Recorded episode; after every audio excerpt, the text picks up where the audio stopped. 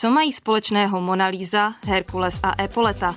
Nejsou to hlavní motivy detektivní nebo mysteriózní knihy, ale předměty, které na nějaký čas nebo i na pořád zmizely.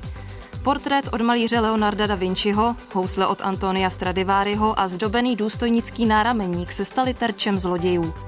Vítejte u poslechu pořadu věnovaného slavným krádežím historických děl. Provede vás Kateřina Havlíková. Historie Plus.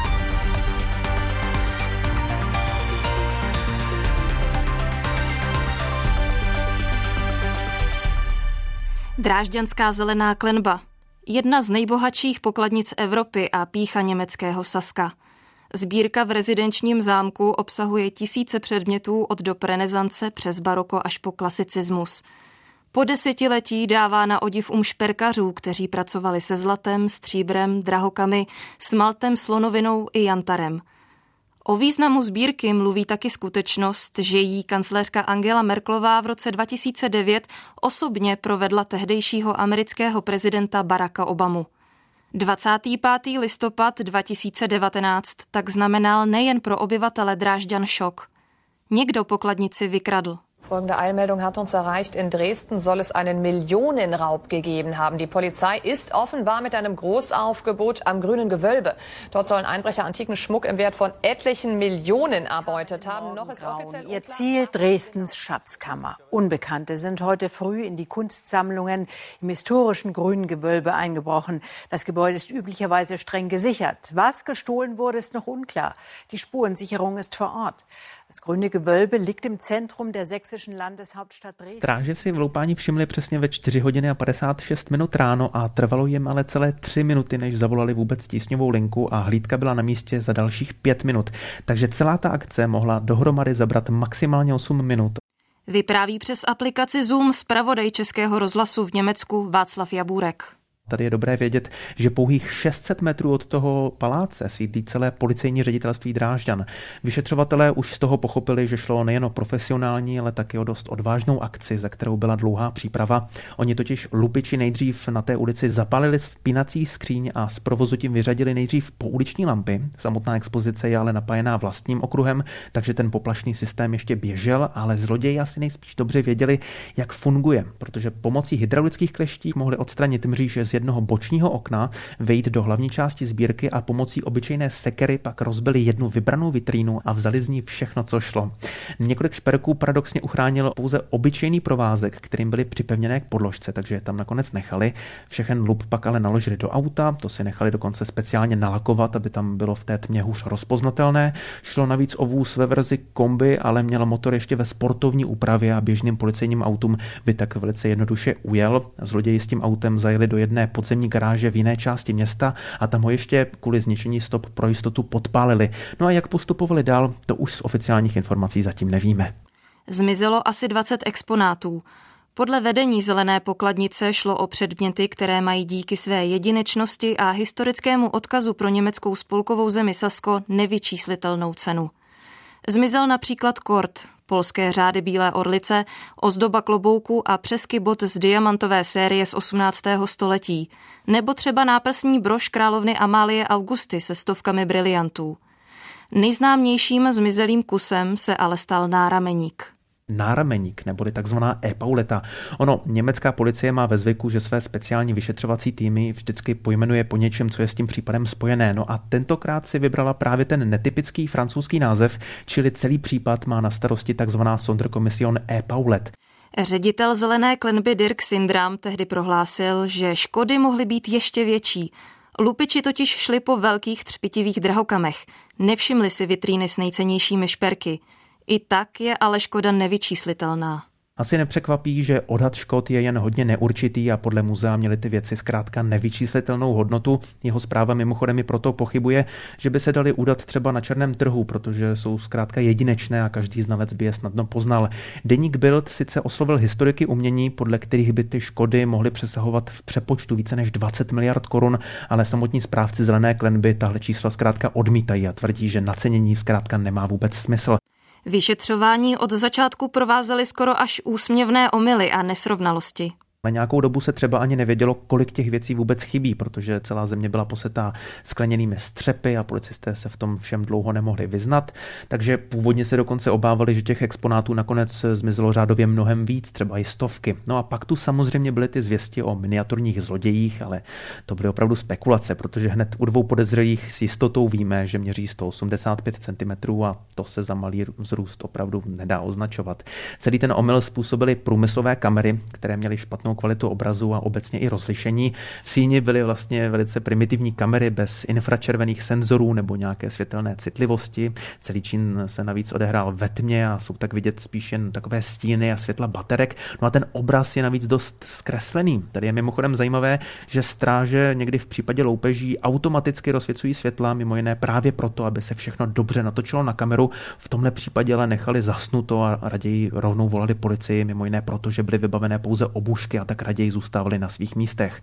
Policie si je každopádně jistá, že za akcí stála celkem početná skupina a rozhodně nešlo jen o práci jednoho nebo dvou lidí. Ano, v samotné budově sice byla jen jedna maskovaná dvojice, ale venku zřejmě čekal ještě řidič únikového auta, no a okolí mohli zajišťovat i různí komplici. Skoro rok poté, 17. listopadu, německá média informovala o velké razi v Berlíně, při které policie zadržela několik lidí podezřelých z účasti na drážďanské krádeži.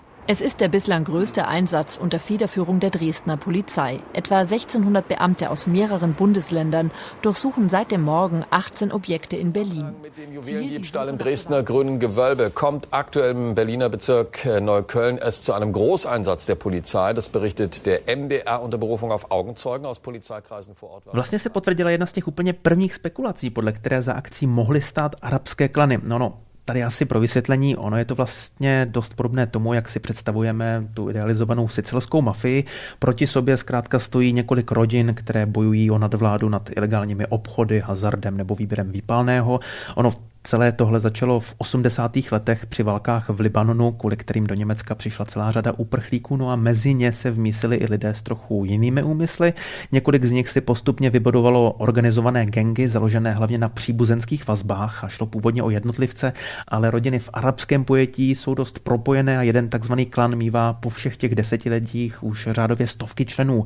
No ty rodiny navíc mají sklony se předhánět v tom, kdo spáchá nějaký odvážnější kousek a nešetří ani módními výstřely střelky, aby na sebe poutali pozornost okolí. No a centrem tohoto světa je pak berlínská čtvrť Neukeln, ve které se o moc přetahují tři velké klany, konkrétně Abu Čakrové, Alzajnové a rodina Remů. No a právě ta poslední z nich je do loupeže skoro určitě zapletená. Berlínská policie totiž zadržela čtyři její příslušníky, kteří se na akci pravděpodobně podíleli a po jednom dalším se ještě pátrá.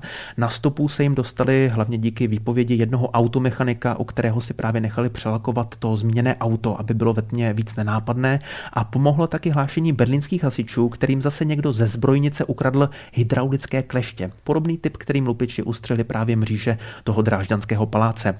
Ale hlavně Celé to provedení akce, to bylo vlastně podobné krádežím z posledních let v Berlíně. Členové klanů hned dvakrát vyloupili vyhlášený berlínský obchodní dům KDV, i tehdy byli skvěle připraveni a vitríny s luxusními šperky rozbili zase obyčejnou sekerou. A hydraulické kleště tak ty zase posloužily při jednom přepadení obrněného transportéru na Alexandrově náměstí, no a pak je tu hlavně loupež z roku 2017. Březen 2017. Tehdy zloději ukradli největší zlatou minci na světě. 100-kilovou minci s vyobrazením královny Alžbity II. zapůjčila do Německa Kanada. Z dobře zabezpečeného berlínského Bódeho muzea ji uloupila trojice mužů. Ani zlatou minci, ani šperky se dodnes nepodařilo najít. Exponáty z drážďanské zelené klenby se mohly stát součástí něčí soukromé sbírky – Existují ale i další teorie, nebo spíš obavy, které už vyjmenovává kolega Václav Jabůrek. Zpráva Zelené klenby má obavy, že je zloději rozložili na menší díly, takže se možná už ani nikdy nenajdou.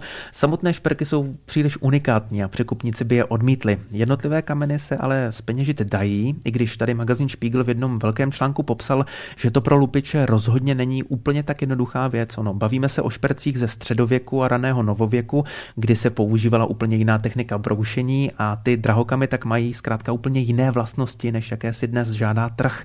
Podle Spiegelu je možné, že se všechny kameny někde tajně přebrousí, ale zmenšily by se zase o tolik, že, že by se to vlastně ani nemuselo vůbec vyplatit.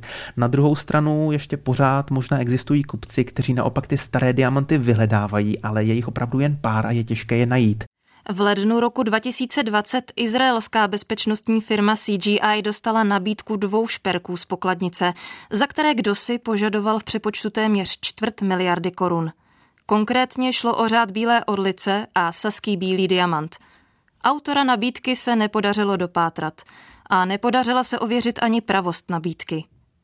Krádež v zelené klenbě se sice stala nedávno, ale do historie už vstoupila – Ono to vlastně nebylo poprvé, kdy se v Drážďanech loupilo. V roce 1977 zmizela část šperků z pokladu z bývalého kostela svaté Sofie, který těžce poničili boje druhé světové války. Poklad se následně přemístil do městského muzea. Lupičům k činu stačily kapesní nože. Kamery je nezaznamenaly, protože byly natočené jiným směrem. V tomto případě se ale nakonec exponáty, kousek po kousku, podařilo najít. Pachatelé jsou ale dodnes neznámí.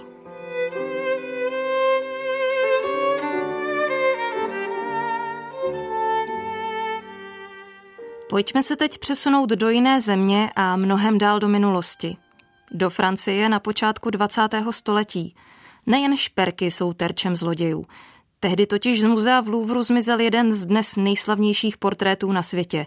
Obraz Mony Lízy, O její krádeži jsem si prostřednictvím aplikace Skype povídala s historikem umění Martinem Zlatohlávkem z Karlovy univerzity.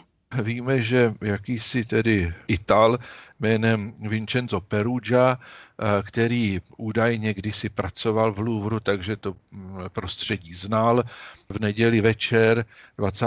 srpna eh, odešel eh, a nechal se zavřít v Louvru tam přenocoval a potom v pondělí ráno 21. srpna tedy sundal se zdi ten obraz, vyndal ho z rámu, říká se, že někde na schodišti, že potom se uvádí, že tedy se nemohl dostat z budovy ven, ale protože v pondělí bylo zavřeno, tak eh, hrál si na nějakého údržbáře a jiný údržbář mu pomohl otevřít dveře ven a on tedy odnesl ten obraz.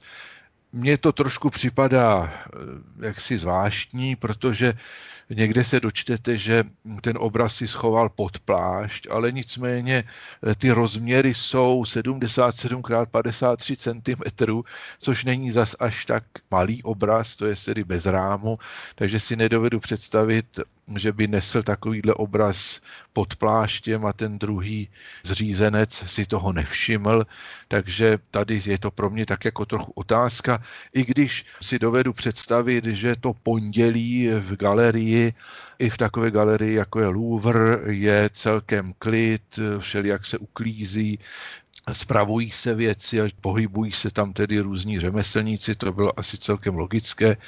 A tímto způsobem se tedy ten obraz dostal ven z toho muzea a Vincenzo Perugia tedy si ten obraz nejdřív ukryl eh, v Paříži. Po portrétu Mony Lízy se na několik let slehla zem. Vincenzo Perugia obraz skrýval ve svém pokoji. Dal o sobě vědět o dva roky později. V roce 1913 se mu i s obrazem podařilo překonat hranice a dostat se do Florencie. Da Vinciho dílo tam nabídl antikváři.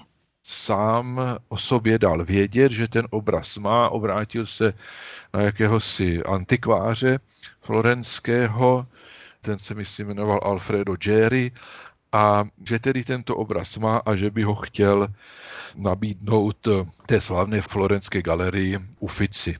No a obchodník Jerry tedy zavětřil, že se asi jedná tedy o tu ztracenou Monu Lízu a pozval ředitele Galerie deli Uffizi Giovanna Poggiho, aby tedy s ním se přišel na ten obraz podívat a skutečně se tak stalo a teď je zase tam ta zajímavá věc, že tedy ten Giovanni Poggi a asi i ten antikvář na první pohled rozpoznali, že je to tedy Leonardův slavný obraz, dneska slavný obraz, tedy Mona Lisa. No a pak už eh, se strhly události tak, že vlastně to nahlásili policii a Vincenzo Perugia byl zatčen, eh, obraz mu byl zabaven a Perugia byl odsouzen na krátkou dobu, jenom asi sedmi měsíců, myslím. Krádež přitáhla k obrazu pozornost. Portrét Mony Lízy, který slavný italský umělec dodělával do roku 1517, nebyl na přelomu 19. a 20. století tolik známý. Veřejnost Da Vinciho díla ještě úplně neobjevila. Jakmile ale dáma s tajemným úsměvem z Louvru zmizela, získala si nejdříve zájem novin a potom taky veřejnosti. Obraz byl vystaven nejprve ve florenských Uficích, potom byl odvezen do Říma, kde byl vystaven v Palazzo Farnese, kde sídlí ambasáda francouzská a pak byl tedy vrácen do Paříže. No a těchto několik výstav a samozřejmě tisk už tisk v roce 1911, že, který tedy informoval o té krádeži, spustil vlnu zájmu o tento obraz, takže návštěvníci potom ty výstavy, které proběhly ve Florencii v Římě a potom to znovu vystavení v Paříži bylo tedy navštíveno poměrně mohutně, i když se jednalo vlastně o už kritické roky, protože eh, začínala první světová válka. Jenže jak měli tehdy vyšetřovatelé, znalci umění nebo kurátoři jistotu, že se jedná o skutečnou Monulízu? Odpovídá historik umění Martin Zlatohlávek z Univerzity Karlovy. Před tou první světovou válkou nebyly ještě takové metody, především technologické metody, nějaký chemický průzkum barev nebo nějaké rentgeny, kterými dneska se obrazy zkoumají. Takže ti znalci, to znamená především tedy ten Giovanni Poggi, který byl tedy významným historikem umění, zajímajícím se o staré umění, tak to bylo víceméně tedy na jeho úsudku založeném na vizuálním kontaktu s tím obrazem. My nemáme zprávy o tom, že by potom v Uficích dělali nějaký další rozbor. Určitě se sešla nějaká další komise italských historiků umění, možná, že přijeli i někteří z Paříže, z Louvru, aby tedy potvrdili, že se jedná o tento obraz, ale bylo to především tedy na základě toho kontaktu s tím dílem. No a to je devíza, která je vlastní tedy významným znalcům umění, dodnes platí, že přesto, že máme rozvinuté různé ty metody restaurátorské a technologické, tak znalec musí tedy to pravé dílo poznat na základě toho kontaktu že vidí ten obraz a často právě ten první dojem je velmi důležitý. V té hantýrce historiku umění se mluví o tom, on vám to ten obraz sám řekne, kdo mě namaloval. Určování pravosti Mony Lízy taky podnítilo další zájem o nalezení správných metod ověřování originálů, jejich rozpoznávání od velmi kvalitních kopií. Výzkum ale zbrzdila první světová válka, která vypukla v roce 1914. Rozvoj znaleckých metod pak pokračoval ve 20. letech 20. století.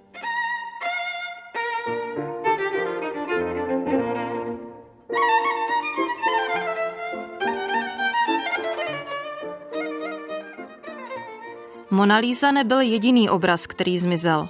Třeba výkřik od Edvarda Munka zmizel dokonce dvakrát.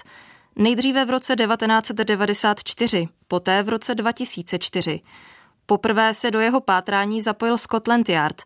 I na podruhé se obraz podařilo najít. Byl ale poškozený. Obrazy a šperky nejsou tím jediným, po čem zloději cených děl prahnou. Obrovskou cenu mají třeba i hudební nástroje.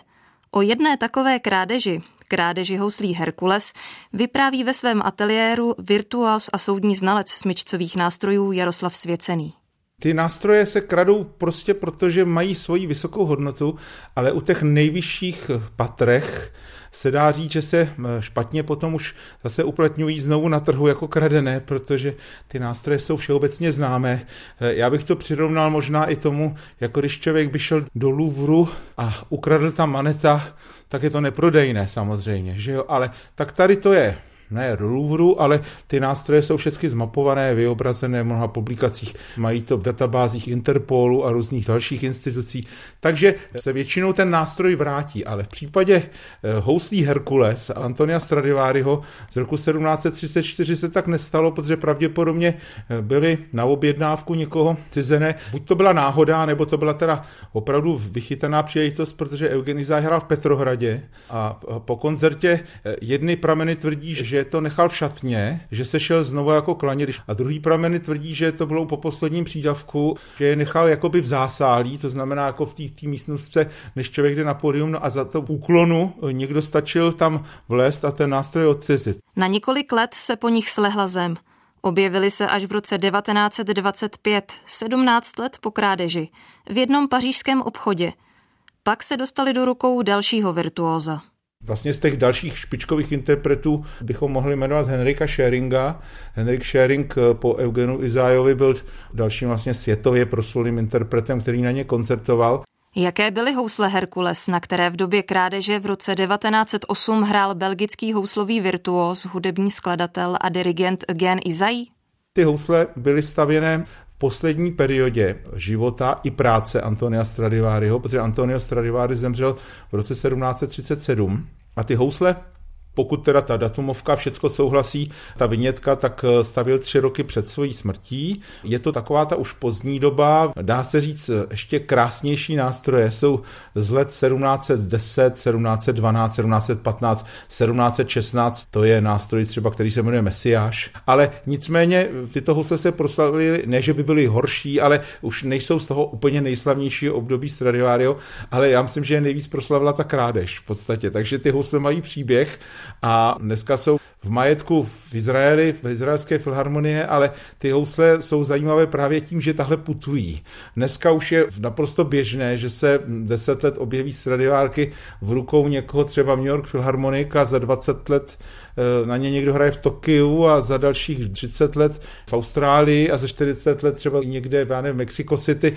Housle Herkules jsou masivní co do tvaru ale nejsou masivní jen do velikosti, jak napovídá jejich jméno, vynikají i zvukem. Ty jsou výjimečné, protože se jim říkalo, že jsou velmi silné. To znamená, že jsou masivní ve zvuku.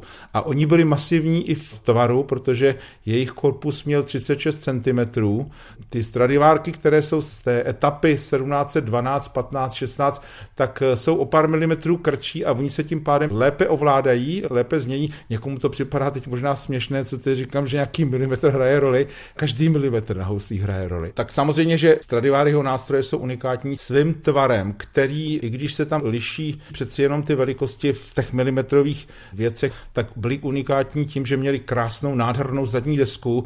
Eh, ty dřeva Stradiváry bral většinou z okolí Valdifieme, myslím teda dřevo javorové, nebo taky bosenský javor, samozřejmě to používali i další italští mistři z té doby a byly samozřejmě nádherně vypracované, takže ta výjimečnost byly v tom, že měli opravdu velmi zvučný, silný tón ale ne každý prsty se s tou velikostí dokážou vypořádat, takže sám Izaj třeba dával přednost k Warnerkám, no nicméně tohle to jsou housle, který bez problému utahnou jakýkoliv koncertní sál, takže proto se jim taky říká právě Herkules, no, že to má takový opravdu mohutný tón a to ty housle teda nepochybně mají.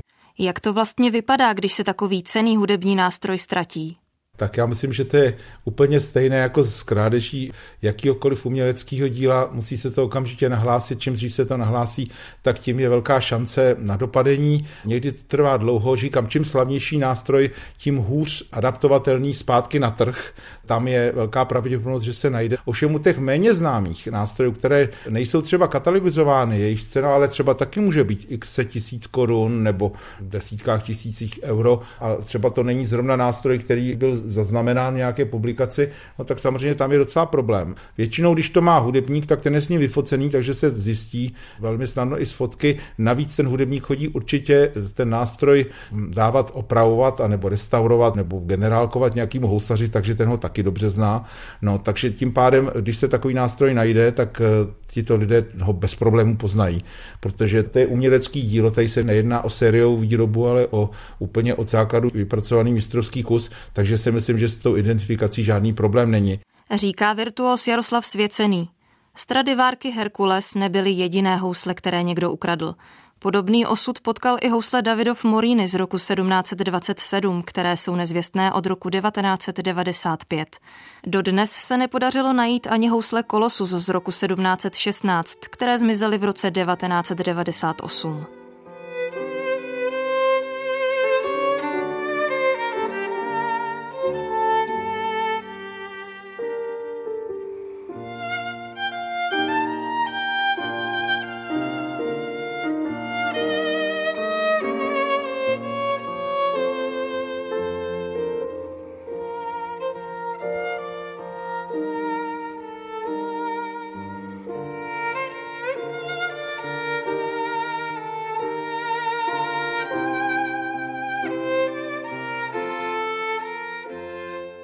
Od 27. ledna 2014 byly nezvěstné taky stradivárky Linisky, které jste v tomto pořadu mohli několikrát slyšet v rukou Franka Almonda z Milwaukee Symphony Orchestra.